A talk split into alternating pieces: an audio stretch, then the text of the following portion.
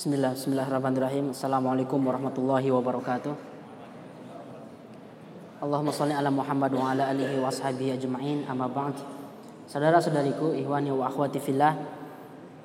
Di 11 pertemuan sebelumnya kita sudah membahas tentang seluruh perjuangan Rasulullah itu dari mulai diangkat menjadi nabi usia 40 tahun sampai sekarang di tahun kesedihan Amul Husni ini Usia beliau berarti 50 tahun. Setelah 10 tahun perjuangan itu semuanya penuh dengan air mata, penderitaan. Jadi kurang lebih 10 tahun pertama itu jarang ada waktu untuk tersenyum sejenak. Sedikit ya. Apalagi tahun ini, ini tahun terberat Rasulullah Sallallahu Alaihi Wasallam. Karena di tahun ini dua orang yang paling penting dalam hidup Rasulullah Sallallahu Alaihi Wasallam yaitu Khadijah dengan pamannya Abu Talib ini wafat di tahun ke-10 Hijriah. Ya di tahun ke-10 Bi'tsah ya. Ini bulan Rajab tahun ke-10 artinya 10 tahun kalau Bi'tsah itu 10 tahun dari diangkatnya menjadi nabi. Ini belum Hijriah jadi belum ada penanggalan kalender Hijriah belum ada. Tapi apa kira-kira yang paling membuat Nabi Muhammad sedih? Itu bukan hanya kematiannya, bukan hanya wafatnya. Karena detik-detik sebelum wafat ini ada pertarungan luar biasa. Ini perang psikologi, perang psikologi, perang harga diri antara Nabi Muhammad dengan Abu Jahal untuk memperebutkan imannya Abu Talib.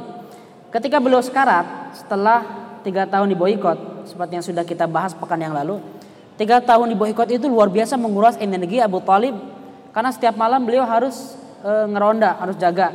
Ini Muhammad tidur di rumahnya, dipindahkan lagi ke rumah yang lain, dipindahkan lagi ke kamar rahasia, dipindah lagi terus tiap tiap malam seperti itu. Selama tiga tahun. Anda bayangkan, selama tiga tahun, berarti 36 bulan beliau berkeliling untuk selalu mencari tempat yang aman, dipindahkan terus. Untuk menjaga safety-nya. Agar nggak ketebak oleh musuh siapa tahu. Ada penyusup siapa tahu ada yang uh, intelijen masuk bisa mengeksekusi Nabi Muhammad. Jadi dijaga betul kesehatan Nabi Muhammad dan beliau mengorbankan fisiknya, jiwanya, pikirannya, uangnya seluruhnya dikorbankan. Sehingga tiga tahun itu cukup menguras energinya. Selain memang udah tua juga, 80 tahun. Bayangkan usia 88, 89, eh usia 77 sampai 80 tahun dihabiskan untuk sebuah fase yang sangat riskan bagi nyawa Nyawa yang paling dia cintai. Bukan nyawanya tapi nyawa keponakannya. Makanya sudah sekarat usia 80 tahun ini. Tapi ketika sudah menjelang kematian, Nabi Muhammad masih berusaha. Masih berusaha ini last minute. Last minute ini hati-hati ya. Last minute ini bisa kegolan gitu udah satu kosong menang gitu. Persib lawan Persija eh kegolan.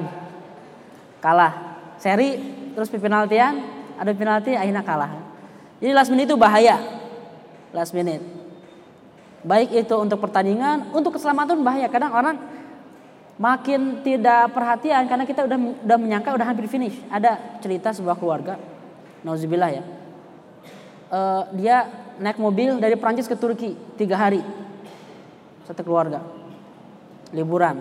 Jadi tiga hari nonstop naik mobil gitu. Selamat, ini melewati berapa belas negara ini naik mobil darat. Ketika udah nyampe Turki, hanya beberapa puluh meter dari rumahnya tabrakan meninggal sekeluarga. Di last minute gitu. Ada kalang yang nasib ya, nasib nasib itu ditentukan di akhirnya, bukan di di last minute. Di last minute kita belum selamat, makanya tidak pernah ada orang yang merasa selamat sebelum Allah mencabut nyawanya dan kelihatan di akhir hidupnya ini husnul khatimah. Ini sepanjang hayat Abu Talib ini ini husnul khuluk, akhlaknya baik. Kecuali kesedikannya aja membela Nabi Muhammad, supporter utamanya, tapi di akhir hayatnya ini ada ada pertarungan. Abu Jahal datang mempengaruhi Abu Talib agar jangan mau masuk Islam. Karena kalau Abu Talib ini masuk Islam, bahaya. Seluruh kabilah Bani Hashim dengan Bani Abdul Muthalib bisa masuk Islam. Kalau Bani Hashim ini sepakat masuk Islam, bisa jadi karena ini kaum paling terhormat, bisa mempengaruhi seluruh kabilah yang lainnya. Wah bisa bisa kalah lah ini. Masuk Islamnya Abu Talib ini bisa merubah wajah dakwah seantero Mekah bahkan seluruh dunia. Makanya jangan sampai kalah. Nah Nabi Muhammad masih masih berharap. Ya Abu Talib, Saya sudah mengajak engkau selama 10 tahun terakhir ini untuk masuk Islam. Ayolah, ucapkanlah satu kalimat la ilaha illallah Muhammad Rasulullah. Uhaju bika indallah. Saya akan membela engkau di depan Allah Subhanahu wa taala wa ushidu katanya. Aku akan menjadi saksi, mempersaksikan engkau di depan Allah Subhanahu wa taala. Akan dibela mati-matian oleh syafaat Nabi Muhammad. Kita aja akan bela saudara-saudara. Anak kepada Rasulullah bukan? Jauh kah? Jauh ya, dari mancungnya aja jauh gitu. Kita jauh dari Rasulullah gitu. Baca salawat aja pas-pasan, nggak jarang baca salawat kecuali di salat wajib. Ingin dibela oleh Rasulullah. Nah ini lebih dibela lagi oleh Rasulullah. Andaikan beliau mengucapkan syahadat, tapi di akhir hayat itu kalimat terakhir yang di lobby oleh Abu Jahal ini atau atau an millati Abdul Muthalib, apakah kamu apakah kamu benci akan meninggalkan agamanya Abdul Muthalib? Agama tokoh yang kita hormati semua? Ya, pintar dia ngomongnya. Coba gengsi dong maksa. Udah bertahun-tahun kamu konsisten dengan agama nenek moyang, konsisten dengan kesatuan agama negeri ini. Masa ingin pindah? Malu dong, masa gimana komitmennya kurang lebih seperti itu. Sampai akhir hayatnya menghembuskan nafas terakhir, beliau tetap dalam kesyirikannya. Itu yang paling sedih, yang paling menyakiti hati Nabi Muhammad SAW. Sehingga Nabi Muhammad mengatakan, la astaghfiranna laka malam unha. Aku akan beristighfar terus-terusan meminta ampun kepada Allah Subhanahu wa taala selama saya nggak dilarang. Sampai muncullah ayat larangan ini surat At-Taubah ayat 113. Maka nabi walladzina amanu an yastaghfiru lil musyrikin. Orang-orang yang beriman, nabi dan orang yang beriman ini jangan sampai memohonkan ampun, ampun bagi orang-orang yang musyrik. Walau kanu uli qurba min ba'di ma tabayyana lahum annahu asha annahum ashabul perhatikan ashabul jahim. Sampai kalau, kalau sampai ada kejelasan bahwa mereka ini jelas ini ahli neraka jahanam ashabul jahim. Ini susah gitu. Sampai ada kejelasan. Gimana kalau nggak jelas? Kalau nggak jelas beroleh berdoa itu aja ada sahabat saya situasinya mungkin bisa sesedih Abu Talib ya. Ibunya dia ibunya nikah dengan orang Belanda. Eh nikah nikah dengan orang Indonesia cuma tinggal di Belanda. Dia pernah punya keturunan Belanda juga. Lalu ibunya sakit dan dia anaknya soleh sekali sahabat saya, soleh sekali dijenguk tiap hari, ditalkinkan agar mengucapkan syahadat. Ibunya ini bukan non muslim. Sampai detik-detik akhir hayatnya dia mau mengucapkan sesuatu cuma nggak jelas. Tapi setelah itu wafat tanpa dia mendengar secara eksplisit apakah dia mengucapkan syahadat atau enggak. Cuma dia kelihatan mau mengucapkan sesuatu. Dia nanya, ini saya bingung beliau ini mati dalam kesyirikan atau enggak. Nah, saya nggak tahu, apalagi saya nggak tahu, nggak, nggak lihat dia langsung. Nah, kalau misalnya kita tidak tahu status orang ini apakah mati dalam kesyirikan atau ke dalam Islam, ini tidak termasuk ayat ini. Hatta yatabayyana sampai jelas kalau meninggalnya dia masih dalam kesyirikan, nggak boleh kita berdoa. Kalau dia meninggal kita masih belum jelas, boleh masih kita masih boleh untuk berdoa. Mudah-mudahan ya Allah apa yang tidak saya lihat itu yang tidak saya saksikan, yang tidak saya dengarkan itu ucapan syahadat. Berdoalah seperti itu.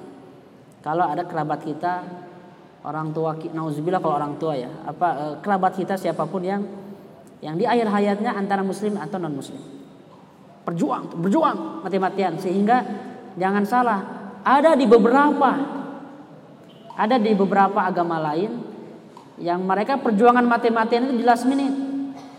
Punya rumah sakit besar, diinfakkan seluruh hartanya, diobati di akhir hayat, di detik-detik sakaratul maut, keluar. Tidak boleh masuk keluarga, hanya dokter dengan para penyuruh agamanya. Kenapa? Ini perjuangan terakhir. Nauzubillah jangan sampai keluarga kita mengalami situasi seperti ini. Pastikan dokter kita, perawat kita, pendamping orang-orang yang kita kasihi di akhir hayatnya itu muslim dan kita kan kita jadi jadi guardian, jadi jadi penjaga sampai nafas terakhirnya. Karena ini masalah di neraka forever selamanya. Selamanya itu bukan satu miliar tahun, bukan satu triliun tahun. Selamanya. Bila nihaya langsat. Kesedihan terberat pada dai adalah penolakan umatnya pada kebaikan. Ini kesedihan utamanya itu. Bukan kesedihan, bukan kesedihan karena dia disiksa, karena dia di, dianiaya, bahkan dia diancam dibunuh. Enggak, Rasulullah enggak enggak enggak khawatir dengan yang kayak gini. Rasulullah ini mengajarkan ke umatnya sebuah kalimat apa kalimatnya kun fayakun. Beliau faham itu. Beliau yakin, beliau yakin dengan Allah Subhanahu wa taala kalau ingin mengislamkan seluruh umat di dunia ini gampang kun fayakun. Tiba-tiba semuanya sholat gitu Masjid Salman sampai dibangun 10 tingkat aja nggak cukup orang yang sholat di sini. Semuanya muslim. Jadi kalau Allah mau bisa. Jadi Rasulullah nggak khawatir dengan hal itu tapi Rasulullah kasihan ini orang udah saya udah saya dakwahi, udah saya suruh ini nggak mau dia ke kebaikan. Sama dengan sedihnya dokter terhadap pasien yang nggak mau sembuh. Pak, bapak ini kena kanker pak, ini harus udah stadium 4 nih harus di harus diobati, harus operasi. Enggak, saya masih sehat. Kenapa? Karena orang-orang yang di judge dengan penyakit kanker atau penyakit yang parah, udah stadium tinggi, biasanya susah menerimanya. Dokter tuh sedih gitu. Ya terserah ente, mau mati mati sekalian silahkan bayar dulu uang dokternya gitu sudah pulang gitu enggak dokter yang sejati itu sedih melihat pasiennya nggak mau sembuh. Sedih gitu. Karena bukan buat dokter untungnya gitu. Buat si pasien. Nah inilah dai ini seperti dokter. Ketika pasien nggak sembuh fahamkan. Nggak paham juga coba kedua kalinya telepon sms pengaruhi keluarganya. Pak ini anak-anak pak anak bapak ini ini nggak e, ngeyel nggak mau diobati padahal ini bahaya buat kesehatannya. Bapaknya nggak mau banyak cari ibunya, cari kekasihnya, cari istrinya, cari anak-anaknya, cari bosnya, agar agar dia mau diobati kasihan. Jadi kalau dokter yang nggak peduli ya, terserah gitu, mati-mati. Seperti itu dai yang nggak peduli dengan umatnya.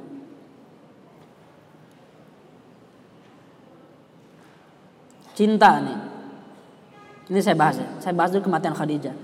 Khadijah ini juga wafat tiga bulan 2 sampai 3 bulan setelah wafatnya Abu Talib.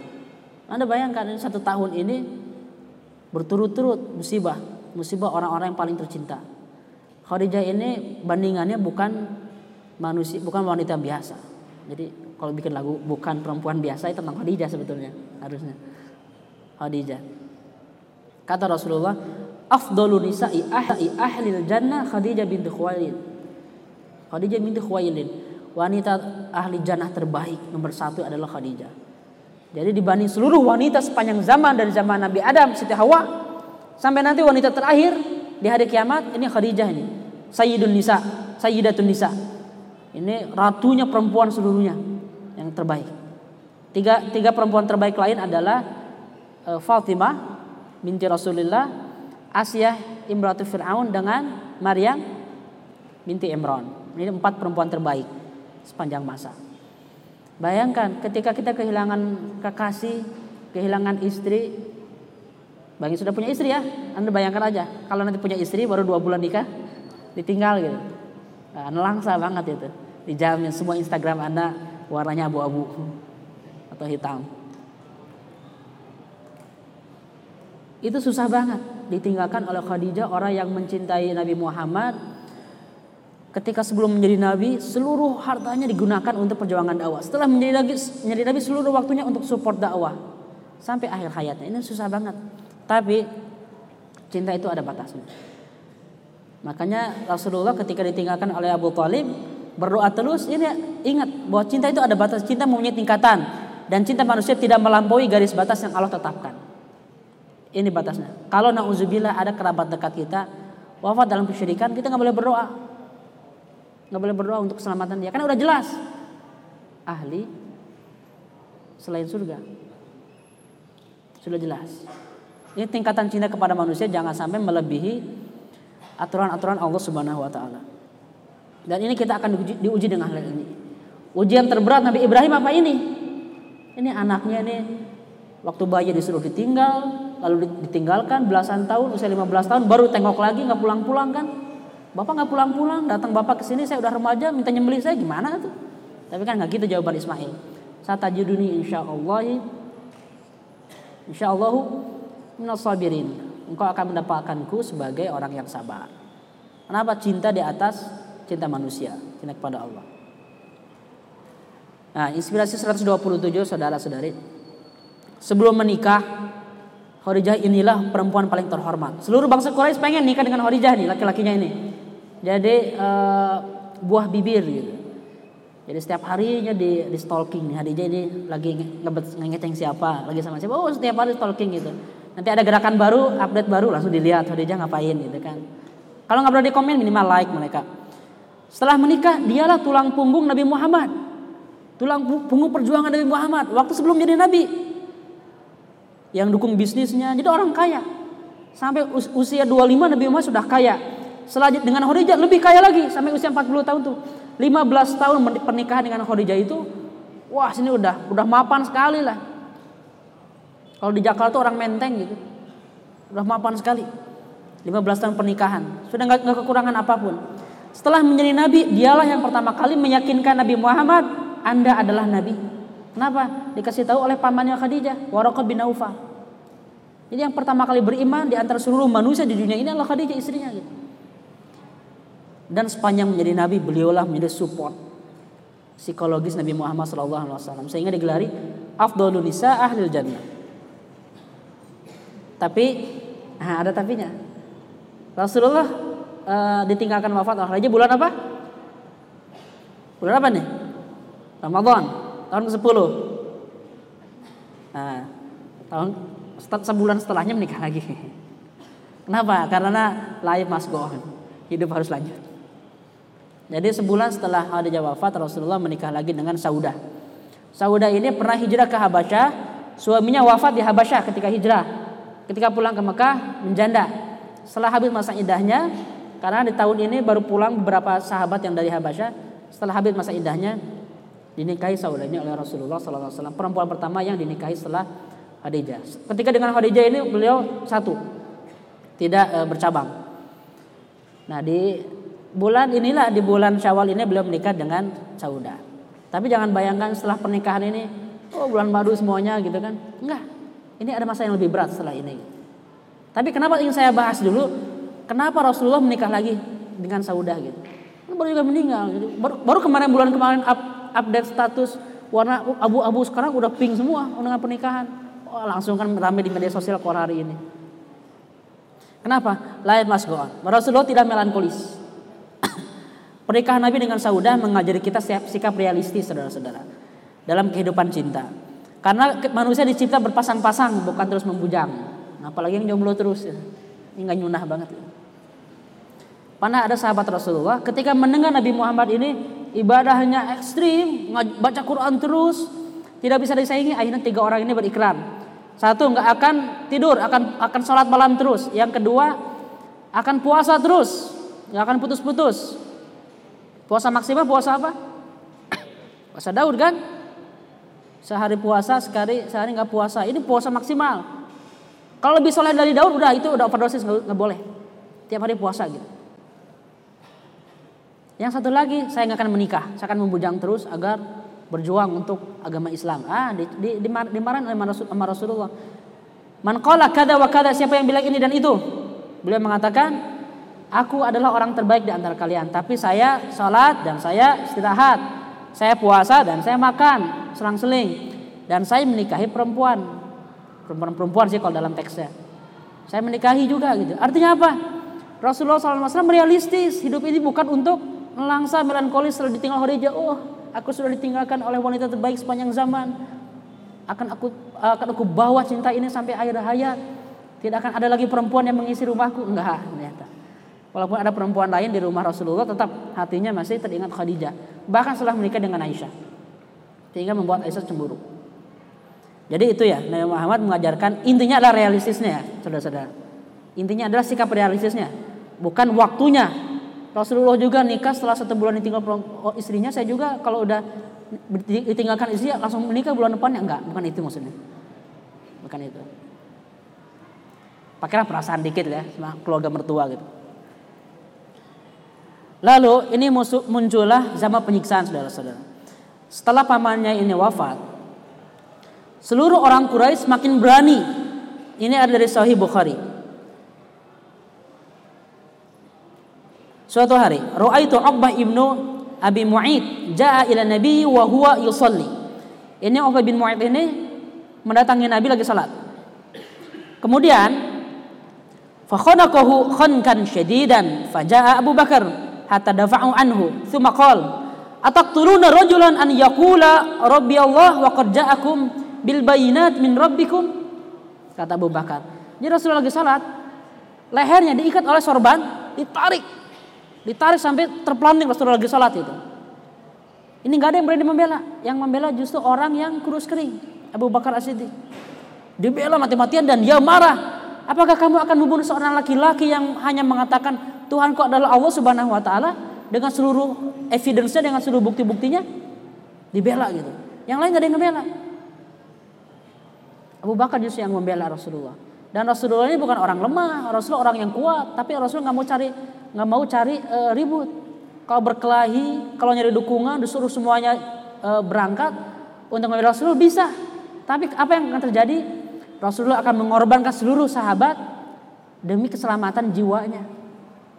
Akan mengorbankan seluruh sahabat. Dan siapa yang akan meneruskan Islam? Rasulullah berpikir visioner. Jadi lebih baik saya yang diintimidasi, ya, saya yang ditindas, tapi sahabat-sahabat bisa memperluas ekspansi dakwah. E, ada lagi penyiksaan ya. Oh ini lebih parah lagi nih. Ada Abu Jahal, juga ada para pembesar yang lain. Ada Uqbah ibnu Abi Mu'id, ada Umayyah bin Khalaf, Nah Rasulullah lagi lagi salat ini sujudnya lama. Nah seperti kita kan kita lebih pakar dari Rasulullah sujudnya sebentar, tak udah lancar gitu. 10 detik langsung berdiri lagi. Pada sujud itu bermanfaat juga bukan hanya untuk ibadah dan doa. Untuk apa? Untuk aliran darah ke otak yang kita butuhkan. Makanya orang ketika stres konsultasi ke pakar, ke psikologis, ke, ke psikolog. Lalu sarannya apa? Anda harus sering membalik badan. Kepala di bawah, seperti kata Aril kepala di apa kaki di kepala kepala di kaki harus seperti itu katanya. Dengan apa? Dengan cara yoga. Ngapain yoga yoga kita punya sujud. Bukan berarti yoga nggak boleh boleh juga yoga. Cuman sujud ini adalah e, cara kita untuk menenangkan diri menenangkan pikiran secara fisiologi. Rasulullah sujudnya lama lagi lama gini Abu Jahal bilang siapa yang bisa mengambilkan jeroan-jeroan binatang? Jeroan-jeroan unta siapa yang bisa mengambilkan? Timpakan kepada Nabi Muhammad. Wah bersegeralah orang-orang ambil jeroan. Ketika lagi masih sujud Nabi Muhammad belum bangkit, ditimpakan jeroan itu ke punggung Nabi Muhammad lagi sujud. Gak ada yang berani bela. Termasuk Abdullah bin Mas'ud. Gak berani bela kenapa? Tahu diri beliau ini orang dalam strata Quraisy ini uh, status sosial rendah. Pengembala kambing pengembala ternak. Yang digaji oleh orang Quraisy disuruh mengembala ke padang pasir. Ketika sore hari pulang dikasih udah beres nih diupah. Ini orang-orang rendahan bagi orang Quraisy. Bagi kita guru Quran tinggi bagi orang Quraisy tidak dianggap. Sehingga beliau tidak mampu membela Nabi Muhammad. Tapi kabar ini terdengar oleh Fatimah eh, putrinya. Langsung datang Fatimah ini dengan menangis di dipilah-pilah di, di, di, dikeluarin dari di, di apa namanya diambil dari punggung Rasulullah satu-satu setelah setelah bersih baru Rasulullah bisa bangkit lagi. Teruskan sholatnya. Anda bayangkan kalau ketika kurban ketika uh, dibagi tim di masjid itu yang paling jijik kan ngurus jeroan kan? Ngurus jeroan gitu. Kalau nguliti masih mending bersih di tangan. Ngulitinya gampang gitu. Yang paling yang paling bersih bagian apa? Bagian bagian nerima duit kan? Administrasi. Bagian ngurus jeroan paling paling susah. Dan ini Nabi Muhammad semua jeroan onta ini ada di punggungnya ketika salat gitu. Kebayang kan? Kita ada kucing aja datang langsung hush gitu. Yang ininya di, di kalau kucing saya suka apa namanya? Saya lagi salat suka suka makanin jari saya, telunjuk saya gitu.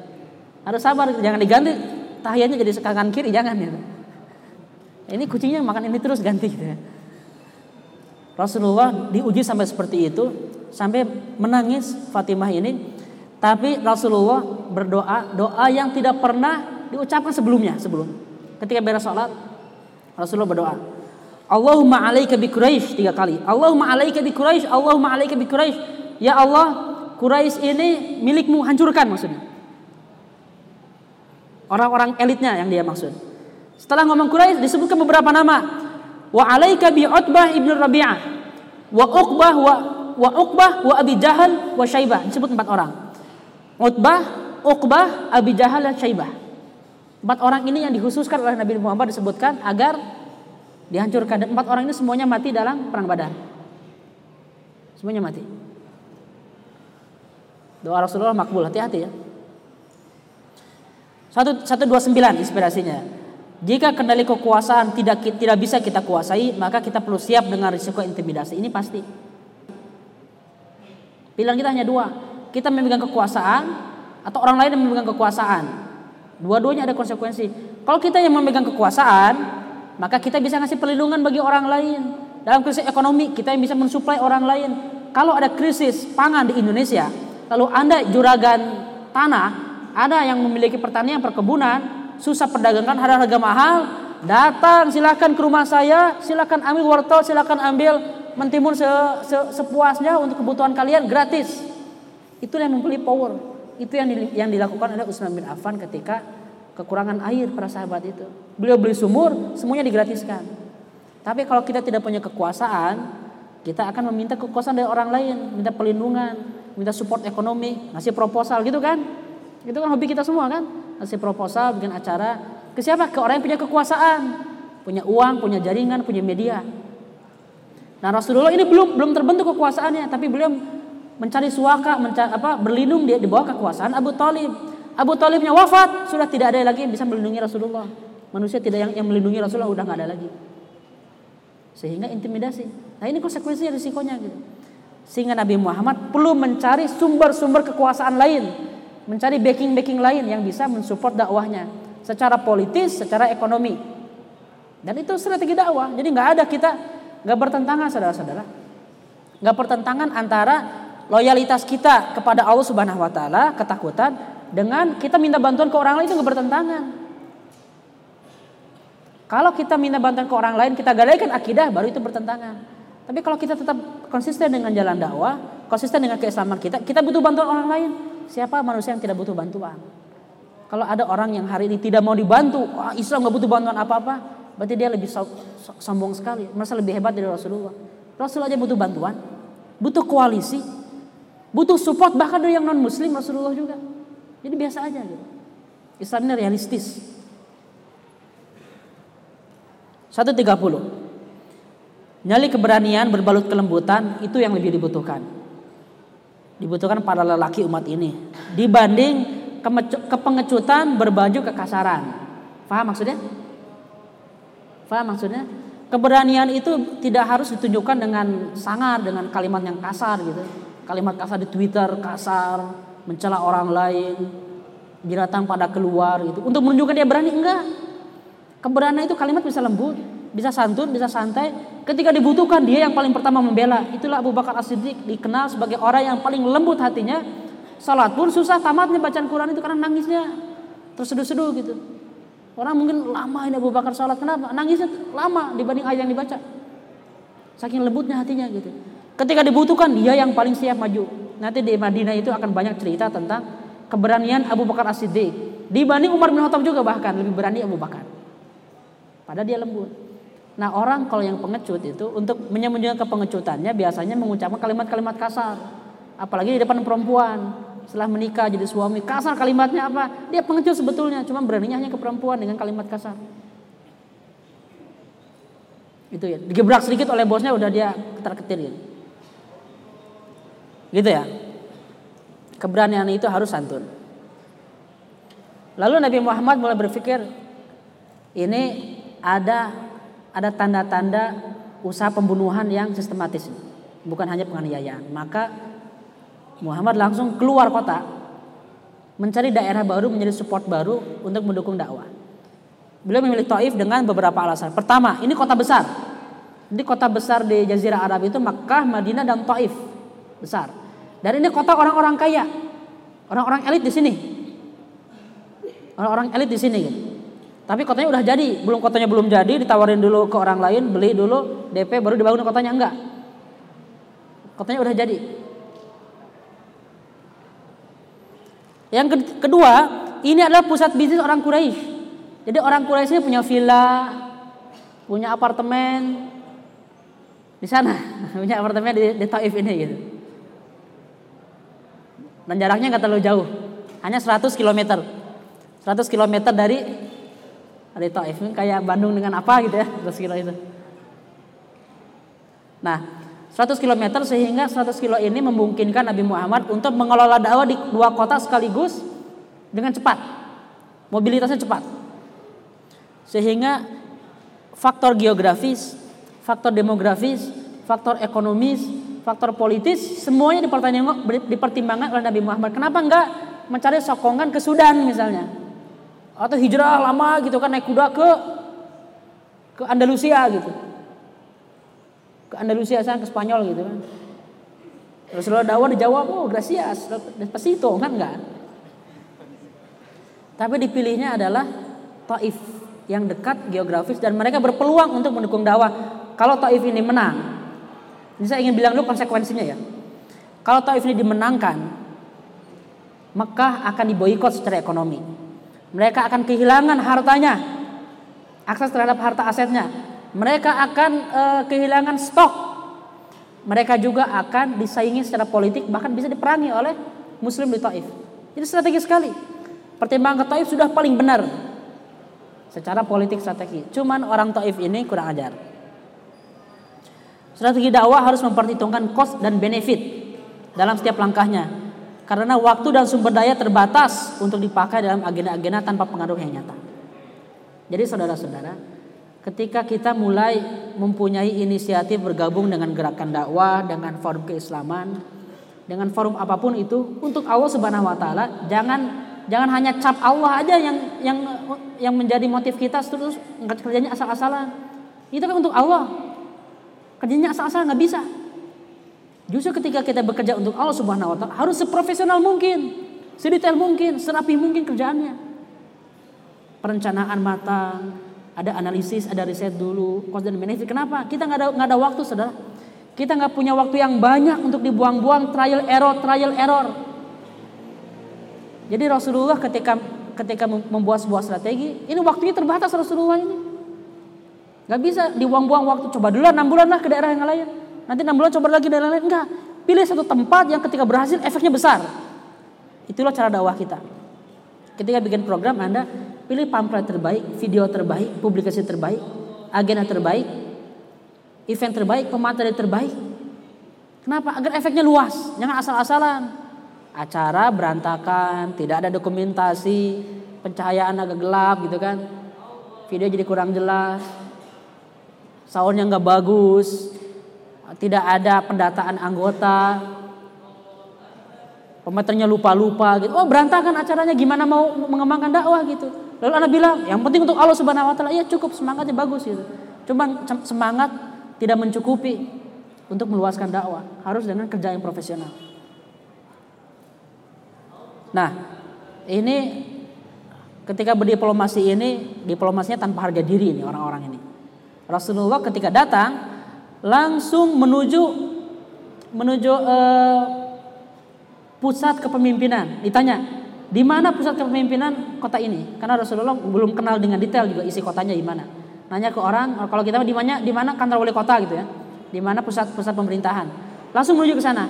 Ini ada tiga anak-anak, tiga anak Amr, tidak tiga anak dari Amr bin Amir bin Umair bukan Amir. Amr bin Umair yaitu Abdul Yalain, Mas'ud dengan Hubaib. Tiga orang ini. Di lobi tiga-tiganya ini anak pejabat, jadi anak wali kotanya di lobi. Yang pertama jawabannya ini ditawarkan Islam biasa aja. Quran tawarkan, dia memperkenalkan diri. Dijawabnya, kalau betul Allah mengirimkan kamu, saya akan robek-robek e, kain Ka'bah ini. Atau atau kurang lebih artinya, nih saya kain Ka'bah akan robek kalau betul nabi nabi yang dikirim kayak kamu gini. Merendahkan Nabi Muhammad, merendahkan martabat Mekah dan Ka'bah. Dihina langsung. Yang kedua, Masud bilang, apakah nggak ada laki-laki lain yang dikirimkan selain kamu ini jadi nabi? Ente yang dikirim ini. Ini Muhammad padahal dari ras terbaik, dari keturunan terbaik di bangsa Quraisy. Dan mereka tahu tentang Muhammad ini, tapi direndahkan. Yang ketiga Hubaid bilang ini, ini agak diplomatis, cuman kurang ajar juga. Dia bilang, saya nggak mau ngomong sama kamu. Kalau kamu betul nabi, maka perkataan kamu bahaya nggak bisa saya tolak kalau nabi. Jadi saya nggak mau ngomong. Tapi kalau kamu bukan nabi pembohong, saya nggak mau ngobrol sama pembohong. Ini nggak ngasih pilihan. Saya nggak mau ngomong. Udah udah pergi. Kata Rasulullah, baik. Fa in fa'altum ma fa'altum faktumu anni. Kalau kamu ini sudah komitmen seperti itu, nggak apa-apa. Tapi tolong rahasiakan. Jangan bilang-bilang yang lain, cukup antara kita aja. Ini kan diplomasi terbatas. Ini Adam. Ini permintaan lawan bicara, walaupun rival, walaupun musuh. Ketika diskusi terbatas dan kita sepakat untuk tidak tidak, tidak membocorkan, harus dihormati, harus punya harga diri. Jangan baru beres gitu, tar tar ya, langsung diupload. Ye, kita menolak Muhammad. Diupload langsung. Baru juga rapat dengan seseorang diupload. Jadi hasil rapat dengan untuk calon wali kota ini ya e, adalah calon ini sebelum kita selfie gitu kan, menunjukkan bahwa kita tahu tahu info-info penting gitu. Tapi nggak punya harga diri. Dan ketika Rasulullah bilang gitu, mereka nggak dengar, mereka menyalahi e, apa yang dikatakan Rasulullah, Lalu mereka menyebarkan ke semua orang. Kenapa? Karena kalau sampai bangsa Quraisy tahu, bukan hanya malu, tapi ini akan membuat down para sahabat. Mentalitasnya dijaga oleh Rasulullah. Dan membuat dakwah Islam semakin susah. Inspirasi 132. Dalam berdiplomasi dengan kawan maupun lawan, kehormatan diri, sopan santun, keluhuran adab tetap perlu dijunjung tinggi. tetap perlu dijunjung tinggi ya. Jadi misalnya ketika kita mempunyai lawan, mempunyai musuh gitu, kita berdialog, jangan sampai keluar kata-kata kasar gitu. Bahkan bahkan sebaiknya sesedikit mungkin kita mengeluarkan kalimat gitu. Karena semakin Anda banyak ngomong di depan rival, di depan kompetitor bisnis, semakin kelihatan strategi Anda gitu. Orang yang menyembunyikan, orang yang sedikit keluarnya unpredictable gitu. Kalau orang yang apa namanya banyak ngomong gitu, wah kamu jangan macam-macam dengan saya, saya punya perusahaan besar, sekarang saya segini, saya udah, marketing saya di mana-mana di sini sini sini, ketahuan, ditiru semua marketingnya, anda kalah. Jadi harus punya ada punya strategi. Dan Rasulullah adalah orang yang paling beradab ketika berdialog bahkan dengan lawan politiknya. Bahkan ber, ber, ber, berdialog dengan kafir Quraisy. Ingat pekan lalu ketika Rasulullah dilobi oleh Utbah bin Rabi'ah untuk ditawari mau harta enggak, mau wanita enggak, Mau diobati enggak? Mau dijadikan raja enggak? Sebelum dia ngomong Rasulullah diam. Silahkan Anda ngomong. Terus sudah beres nanya dulu. Sudah selesai belum? Akan faragh ya Abul Walid, sudah beres belum? Beres. Ngomong, berikutnya beliau ngomong lagi. Sekarang saya mau ngomong. Minta izin dulu. Lawan bicara bilang, e, Asma, saya dengar. Lalu beliau ngomong gitu. Jangan jangan ngomong pembicaraan orang lain. Jangan mata jangan mata pembicaraan orang lain. Ini yang sopan santun dalam berdiplomasi. Dan ini silakan pakai. Silakan gunakan aplikasikan di BEM, di komunitas, di fakultas, di komun, di apa UKM, eh, di mana-mana dalam organisasi. Dalam apalagi dengan calon mertua itu harus benar-benar gitu ya. Ada orang yang menonjolkan diri, semua diomongin di awal pertemuan, orang ilfil gitu. Jadi payah saya mah bukan sombong ya, tapi memang saya ini uh, dulu kebetulan ranking satu terus ya dari SD sampai kuliah itu. Kalau IPK sih ya cuma 4,9, eh 3,9. Ya, wah oh, semua disebutin gitu. Anda hebat loh. Tapi bukan buat putri saya gitu. Langsung. Jadi biasakanlah belajar bagaimana membranding diri dengan cerdas. Membranding diri dengan cerdas pengusiran. Setelah itu Nabi Muhammad tinggal selama 10 hari. Tinggal selama 10 hari di Taif. Ngapain 10 hari itu? Nggak punya tempat, nggak ada hotel. Nggak tinggal di hotel. Kalau kita sekarang enak kan penceramah, siapkan hotel semuanya seminggu, wah enak gitu. Saya pernah eh, apa namanya eh, ceramah di Austria, udah siap bawa bawa ini bawa sleeping bag gitu apa ya? Karena nanti akan tinggal di rumah mahasiswa gitu. Di apa namanya di barang dengan kamar sekasur berdua gitu ya mending sekasur berdua mendingan sleeping bed gitu kan udah siapkan. Eh ternyata oh disiapkan semuanya. Rumah disiapkan gitu. Wah saya mikirin ceramah enak banget hari ini gitu. Ingat Rasulullah 10 hari ini ceramah nih 10 hari untuk berdakwah di Taif ini nggak ada hotel nggak ada apa. Tinggal di mana aja. Ditemani dengan oleh asistennya Zaid bin Harithah dua orang. Lobby ke ketua yang ini, kepala suku ini, lobby ke semua pembesar yang nggak ada yang mau. Gagal. Semuanya menolak, bahkan diusir. Di akhir hari ke-10 semuanya sepakat mengusir Nabi Muhammad. Gak hanya itu. Mereka suruh budak-budaknya, pembantu-pembantunya, anak-anak kecil berbaris di gerbang keluar Taif itu sekitar 5 km. Kiri dan kanan berbaris. Untuk apa? Untuk melempar, untuk melempari batu. Melempari batu. Bayangkan, melempari batu. Siapa yang membela? Ini uh, Zaid bin Haritha ini berusaha lari kiri, lari ke kanan, ke depan, ke belakang untuk melindungi Nabi Muhammad agar batu yang tidak terlempar nggak terlalu banyak ke beliau. Ke Zaid bisa lebih banyak. Dilindungi bolak-balik terus itu. Sampai darahnya banyak bercucuran itu lari terbirit-birit dikejar terus sama anak-anak. Anda bayangkan situasinya gitu, kira-kira seperti apa? Ini situasi bulan madu saudara-saudara. Situasi bulan madu. Jadi yang tadi itu, itu saya menjelaskan tentang realistisnya Rasulullah harus punya pasangan. Gak berlaku jomblo gitu. Harus punya pasangan. Tapi bulan madunya nggak dipakai buat dengan, dengan istrinya nggak. Untuk dakwah ke Taif yang dilempari batu berdarah. lari terbirit-birit sampai ada kebun anggur, lari ke situ menyembunyikan diri. Duduk di situ, bernaung, udah jangan dikejar lagi. Ketika di situlah mereka istirahat dulu, taruh nanga, capek, dan di situ Rasulullah SAW nggak kuat lagi, akhirnya nangis. Akhirnya, awalnya Rasulullah bernahan, nggak ingin nangis. Akhirnya Rasulullah nangis, keluar air matanya di depan Zaid bin Harithah ini. Dan Rasulullah berdoa, mengucapkan sebuah doa yang terkenal dan doa ini belum pernah diucapkan sebelumnya dan tidak pernah diucapkan lagi setelahnya. Allahumma ilaika ashku dha'fa quwwati. Ya Allah, aku mengeluh kepadamu atas ketidakberdayaanku, kelemahanku. Wa qillata hilati dan sedikitnya strategiku. Wa hawani 'alan nas dan kelemahanku di depan manusia-manusia. Ini merendah di depan Allah Subhanahu wa taala. Padahal udah berjuang. Berjuang mati-matian. Sama dengan doa yang diucapkan Nabi Yusuf. Eh Nabi Nuh ketika beliau sudah hampir eh, 950 tahun belum ada hasil dakwahnya. Ya arhamar rahimin, anta robul mustad'afin wahai Tuhan yang Maha Pengasih Maha Penyayang, Tuhan orang-orang yang dilemahkan, bukan lemah, bukan du'afa mustad'afin, orang kuat tapi dilemahkan. Rasulullah Abu Bakar orang kuat dilemahkan oleh orang lain. Wa anta rabbi wa ilaman takiluni. Wa ila ba'idin yatajahamuni am ila uduwin malaktahu amri. Ini penting nih. Setelah ini kalimatnya in lam yakun bika alayya ghadabun fala ubali. Yang paling penting bagiku ini kalau engkau tidak marah saya nggak peduli itu yang paling penting asalkan engkau nggak marah ya Allah dan seterusnya sampai akhirnya beliau mengeluhkan semuanya kepada Allah Subhanahu wa taala itu dengan la haula wala quwata illa billah menangis Udah selesai gitu. Rehat sejenak, istirahat sebentar. Di kebun ini kebetulan kebunnya pemiliknya ini Utbah bin Robiah dan Syaibah. Dua orang yang paling memusuhi Rasulullah dan dua orang yang didoakan oleh Rasulullah tadi yang saya bilang. Yang didoakan, ya Allah hancurkan orang-orang ini. Ini dua orang dari empat orang yang disebutkan Rasulullah.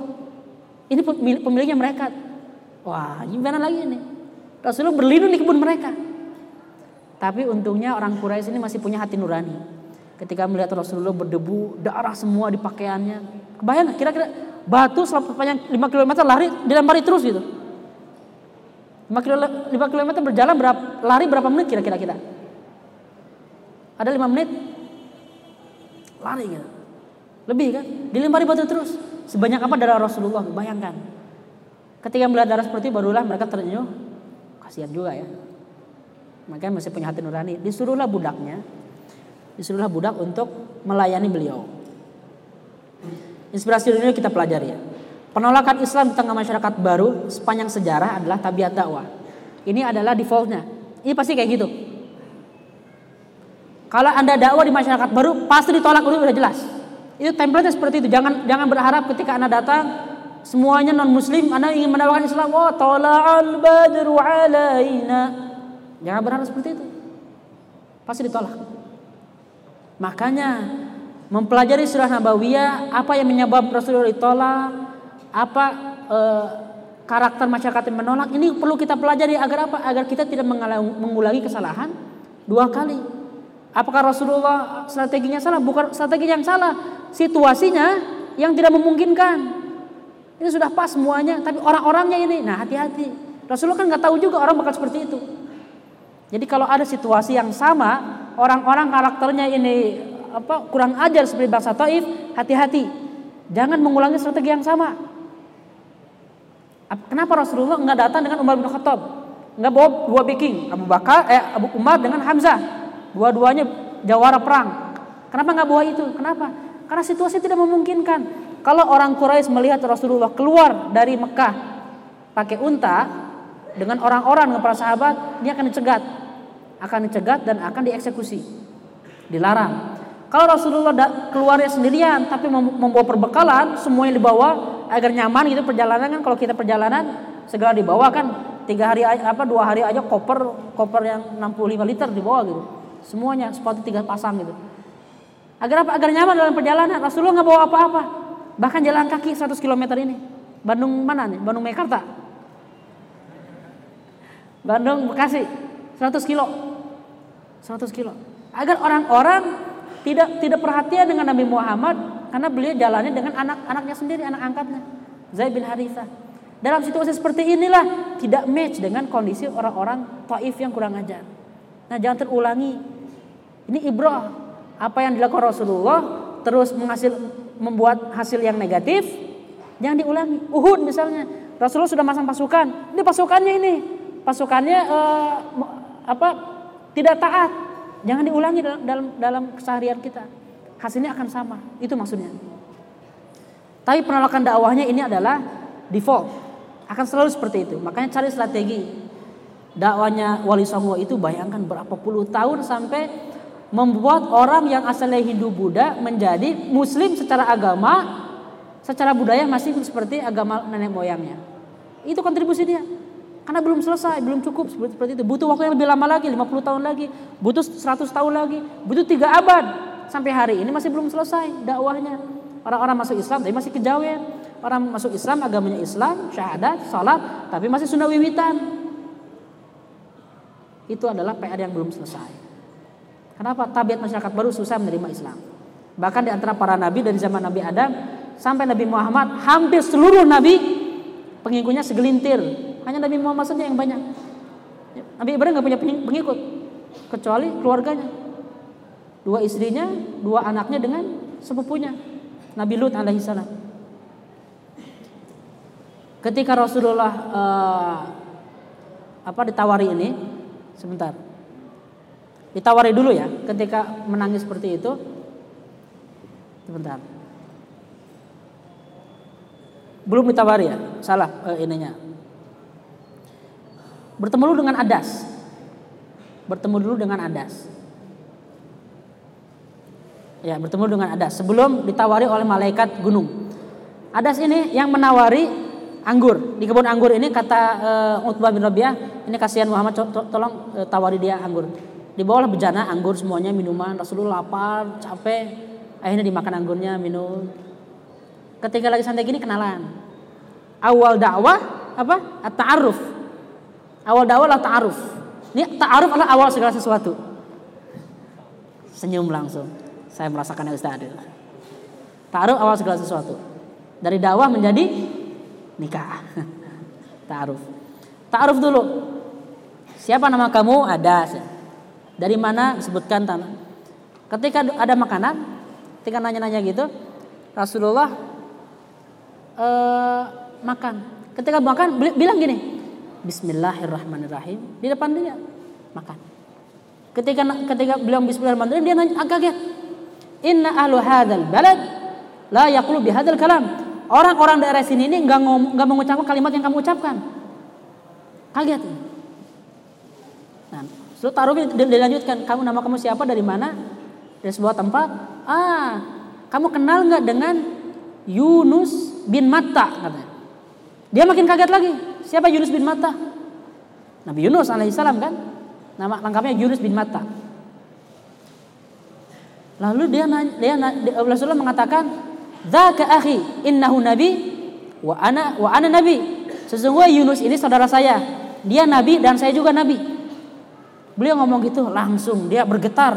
Jiwa si Adas ini dipegang ke kening Rasulullah, dicium, tangannya dicium, kakinya dicium. Langsung masuk Islam. Dalam beberapa menit Adas ini karena punya ilmu langsung bisa memahami apa yang selama 10 tahun tidak mampu difahami oleh elit-elit Quraisy. Kenapa ada sombong mereka? Ini budak, gak punya kesombongan. Ketika tahu ini kebenaran, langsung masuk Islam. Sebelumnya dia agama Kristen.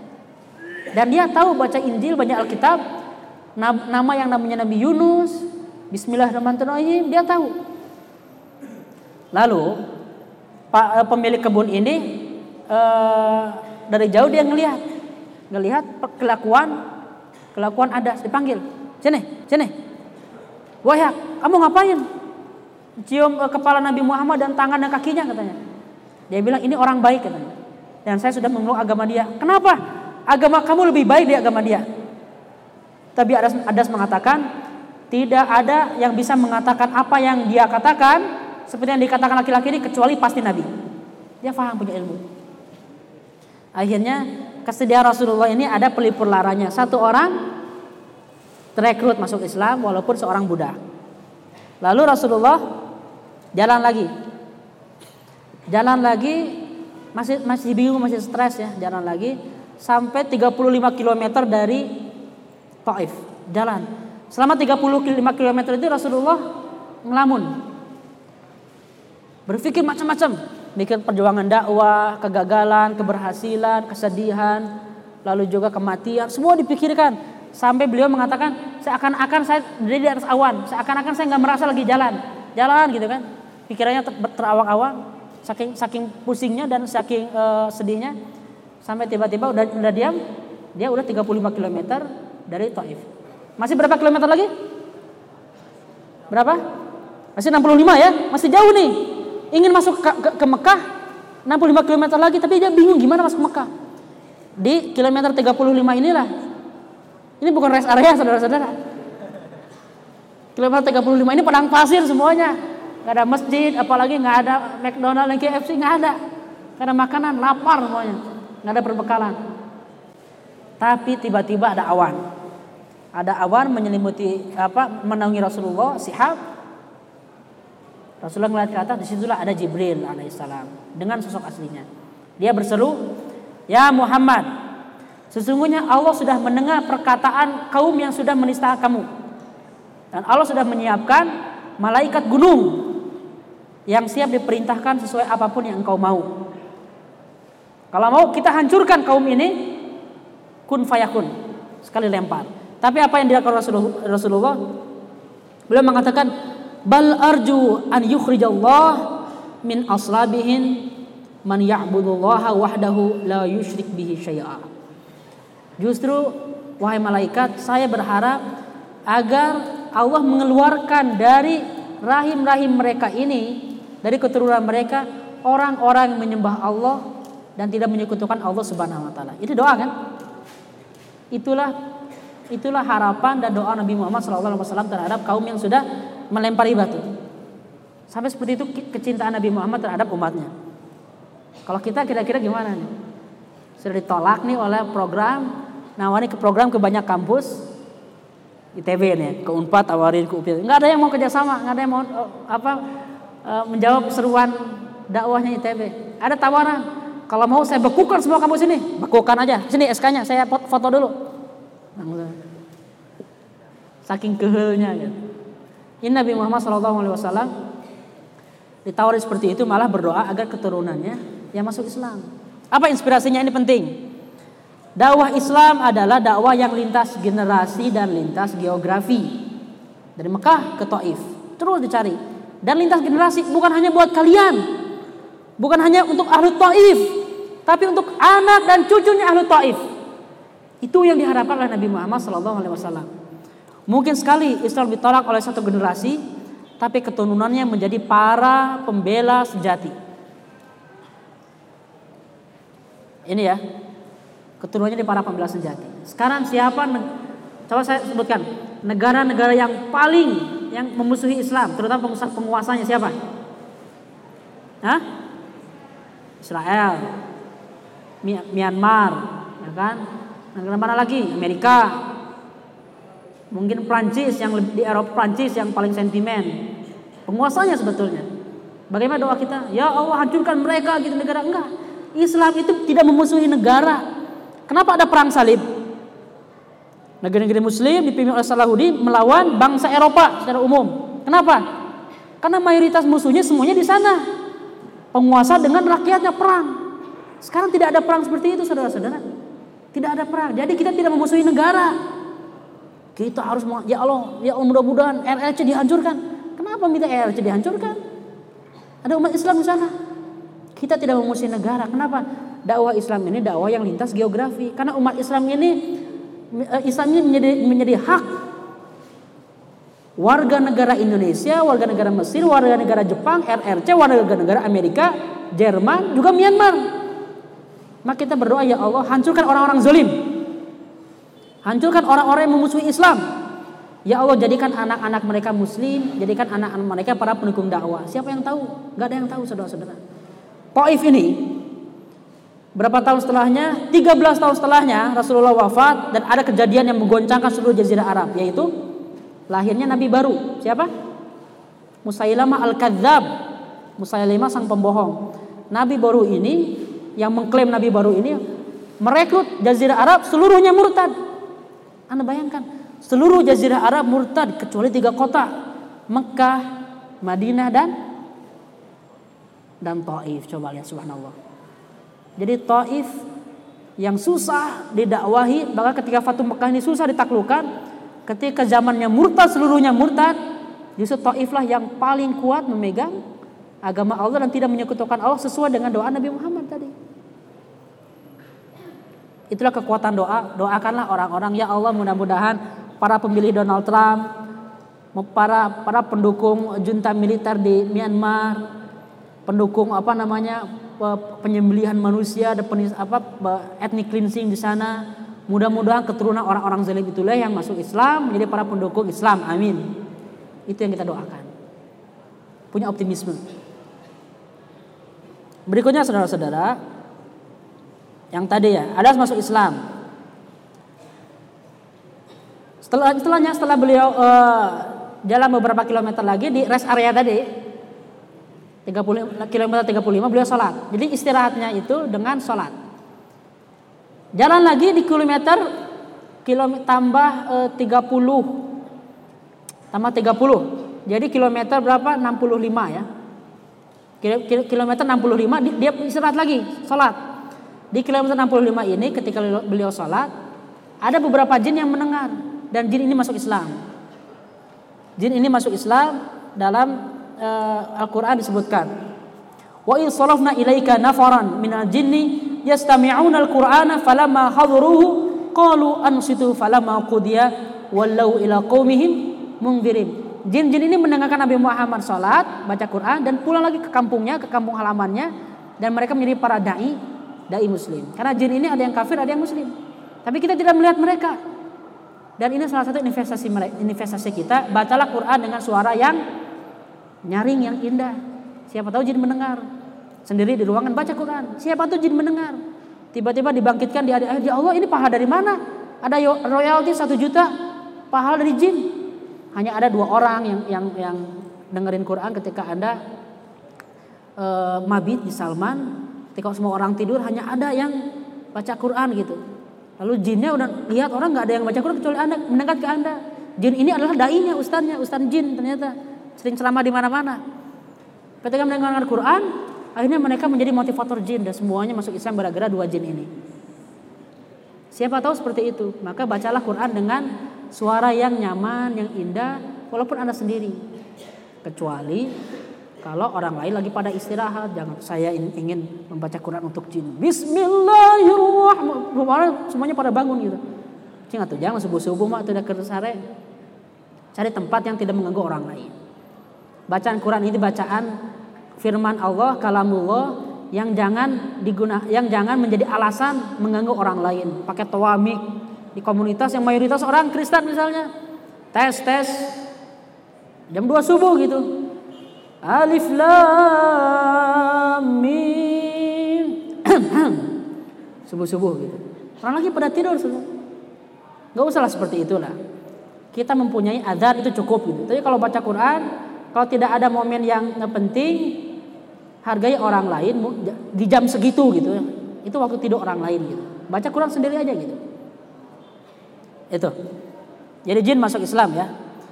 Ilmu dai adalah modal dasar komunikasi dengan objek dakwah. Jika, liang, jika lu, uh, ling, ruang lingkup dakwah sempit dan terbatas, kembangkanlah pengetahuan dan kapasitas. Kebayang kalau Rasulullah nggak nggak tahu tentang kisah para nabi, beliau belajar dari Jibril jelas. Ya.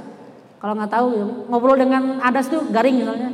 Siapa nama kamu? Adas. Oh, oke, okay. makan gitu. Garing nggak ada apa-apanya gitu. Kalau kita punya wawasan, ngobrol lagi di kafe, lagi di restoran, orang yang punya wawasan itu enak didengarkan orang gitu.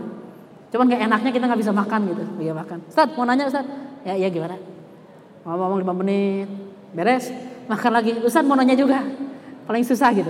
Jadi kalau udah ceramah makan bareng saya suka suka menyendiri, nggak bisa makan kita. Tapi kalau lagi santai, orang yang punya wawasan, saya senang kalau dengan ngobrol dengan orang yang punya wawasan, punya pengalaman di negeri berbeda, punya apa pengalaman bisnis banyak. Senang kita nanya ke orang gitu. Dan itu adalah modal dakwah wawasan itu, kapasitas itu. Coba dengan orang yang punya wawasan. Ngomongnya tentang apa? Tentang hal-hal yang remeh gitu. Eh kemarin ini stand komedi rame ya, nonton stand komedi bareng gitu di kafe gitu. Iya saya juga nonton, yang mana yang ini? Iya dilihat lagi. Dia nonton, saya nonton, dia nonton bareng ngapain? Tiga kali kan. Zikir saudara-saudara. Zikir sederhana bisa jadi, bisa jadi sebanding dengan grand strategi dan seribu rencana. Zikir yang sederhana. Subhanallah, subhanallah, subhanallah. Aduh ini orang ini baca apa nih? Apa itu subhanallah? Jadi ketika mengucapkan doa Bismillahirrahmanirrahim mengislamkan siapa? Adas. Yang kalau nggak baca Bismillahirrahmanirrahim kan nggak akan ngomong, nggak akan mulai perbincangan seperti itu. Jadi zikir sederhana itu bisa bisa menjadi kontribusi besar bagi orang lain. Terakhir saudara-saudara, Rasulullah ini di kilometer berapa tadi sekarang kita? Kilometer 65. Tinggal 35 km lagi menuju Mekah. Bingung ini gimana masuk Mekah? Begitu mulai masuk gerbang Mekah pasti akan dibunuh. Mereka udah bersepakat ingin membunuh Nabi Muhammad. Apalagi udah 10 hari nggak datang. Mereka udah makin curiga. Jangan-jangan Islam sudah disebarkan ke daerah lain. Jangan sampai disebarkan makin banyak. Harus kita bunuh. Beliau butuh backing. Siapa yang jadi backing? Apakah keluarganya? Bani Muthalib atau Bani Hashim? Siapa yang sekarang jadi pemimpin di Bani Hashim? Abu Lahab. Yang paling tinggi derajatnya Abu Lahab. Nggak mungkin Abu Lahab. Orang yang paling memusuhi Nabi Muhammad. Siapa nggak ada gitu. Abu Bakar, Umar nggak bisa. Karena mereka pun dilindungi oleh kaumnya. Cobalah ke Akhnas bin Shuraib. Ngisi ngirim utusan.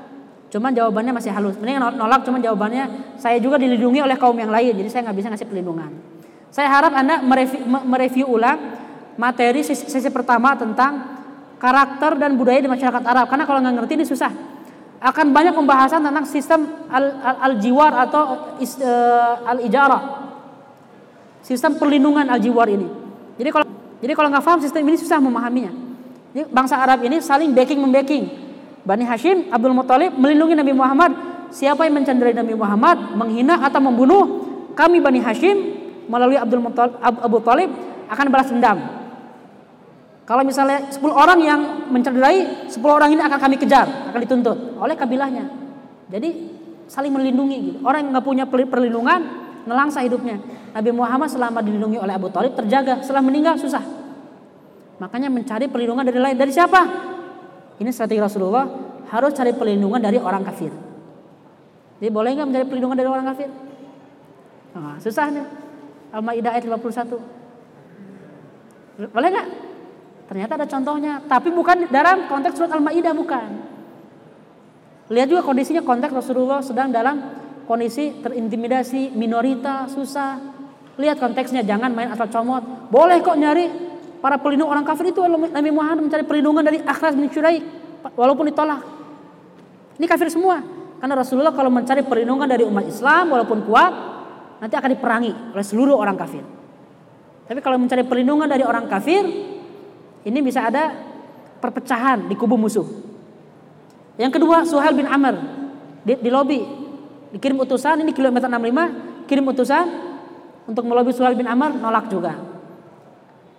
Kami nggak mau eh, nggak bisa ngasih perlindungan karena kita punya agreement dan juga kita uh, beda kaum, beda kabilah, ah, macam-macam alasannya. Cuman masih punya adab nolaknya gitu. Yang ketiga Mut'im bin Adi. Mut'im bin Adi ini adalah satu dari lima orang yang merobek-robek atau yang membatalkan perjanjian pemboikotan Nabi Muhammad di sesi kemarin yang kita bahas. Berjasa walaupun kafir. Dikirim utusan di lobi, akhirnya beliau menerima. Menerima ingin membela Nabi Muhammad. Uh, setelah itulah lalu Mut'im bin Adi pidato, "Wahai kaumku, siapkan senjata dan siap berjaga di pos, siapkan di seluruh ujung di perbatasan Mekah, di gerbang Mekah, siapa senjata kalian? Kita akan sambut Nabi Muhammad dan kita akan lindungi dia dengan semua jiwa dan semua harta dan jiwa yang kita punya. Itu kata Mutim bin Adi ke seluruh kaumnya yang kafir.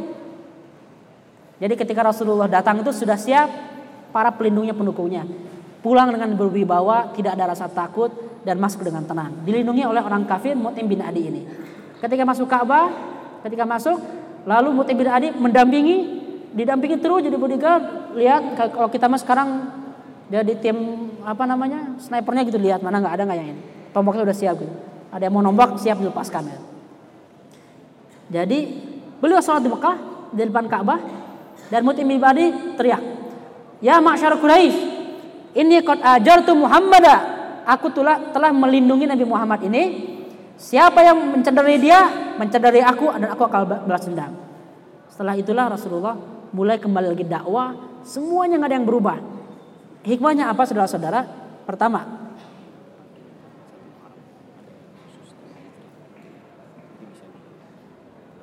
ya. Ya. Jadi inspirasi ini terakhir nih slide terakhir menabung persahabatan adalah investasi pribadi, keluarga, bisnis dan dakwah. Karena rizki terbesar kehidupan sosial kita adalah sahabat yang setia. Makanya Rasulullah Shallallahu Alaihi Wasallam mengatakan man yuridu an yusah man rizqahu falyasil rahimah. Siapa yang ingin diluaskan rizkinya, sambunglah silaturahim. Ini persahabatan dengan Mutim bin Adi kalau nggak kenal, kalau bersahabat, saya minta perlindungan siapa ente? Jadi bermanfaat bagi politik, pribadi, bagi keluarga juga. Kalau banyak kenalan kan, ada nggak ahwat yang mau sama saya? Antum bilang ke 100 orang sahabat antum, masa nggak ada kan? Stok gitu kan.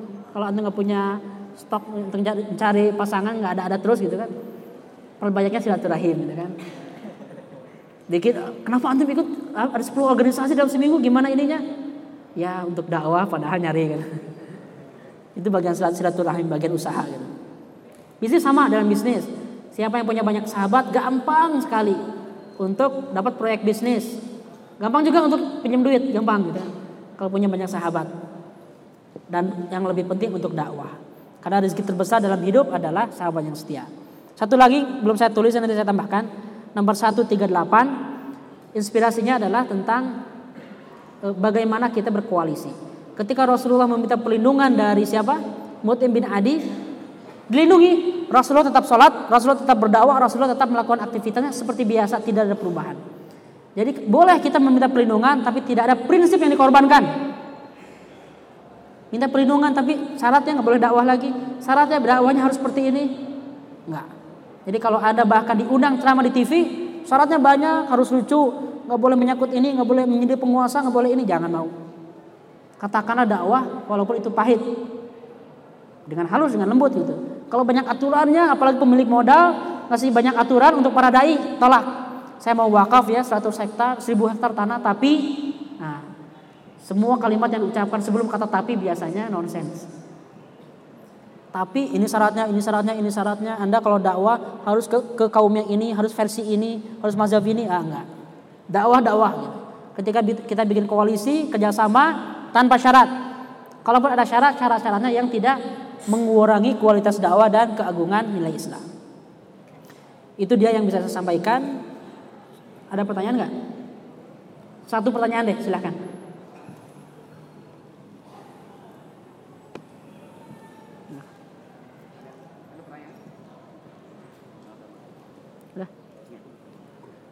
Baik, karena mepet juga ya sebentar lagi maghrib. Uh, jazakumullah khairan kathira atas partisipasi antum. Insya Allah pekan depan ini satu Muharram bertepatan. Uh, tema kita tetap, tema kita tetap akan melanjutkan dari sesi ini, sesi 13 yaitu tentang Isra Mi'raj. Menyambung ya. Isra Mi'raj, cuma kita akan bahas sedikit tentang Muharram. Bagaimana Rasulullah SAW setelah balik lagi ke Mekah semakin dicemooh apalagi setelah ada Isra Mi'raj tidak ada yang percaya satu orang pun Rasulullah dianggap gila Rasulullah dianggap pembohong hanya ada satu orang yang langsung mempercayai saat itu juga yaitu Abu Bakar yang digelari gara-gara ini As-Siddiq. Abu Bakar As-Siddiq yang langsung mempercayai Rasulullah. Bagaimana perjuangan Rasulullah? Bagaimana trik Rasulullah strategi Rasulullah menyebarkan Islam di luar Mekah? Bagaimana Rasulullah merekrut satu demi satu tokoh-tokoh publik dari kabilah lain? Dan bagaimana kontribusi dakwah ini menyebar ke kabilah-kabilah di luar Mekah gara-gara para dai, gara-gara orang elit, gara-gara kepala suku yang ketika mereka masuk Islam kaumnya berubah menjadi Islam. Itulah strategi, strategi dakwah Rasulullah menyebarkan Islam keluar kota Mekah yang detailnya insya Allah akan kita pelajari, kita bahas pekan depan. Aku lu hada. Wassalamualaikum warahmatullahi wabarakatuh.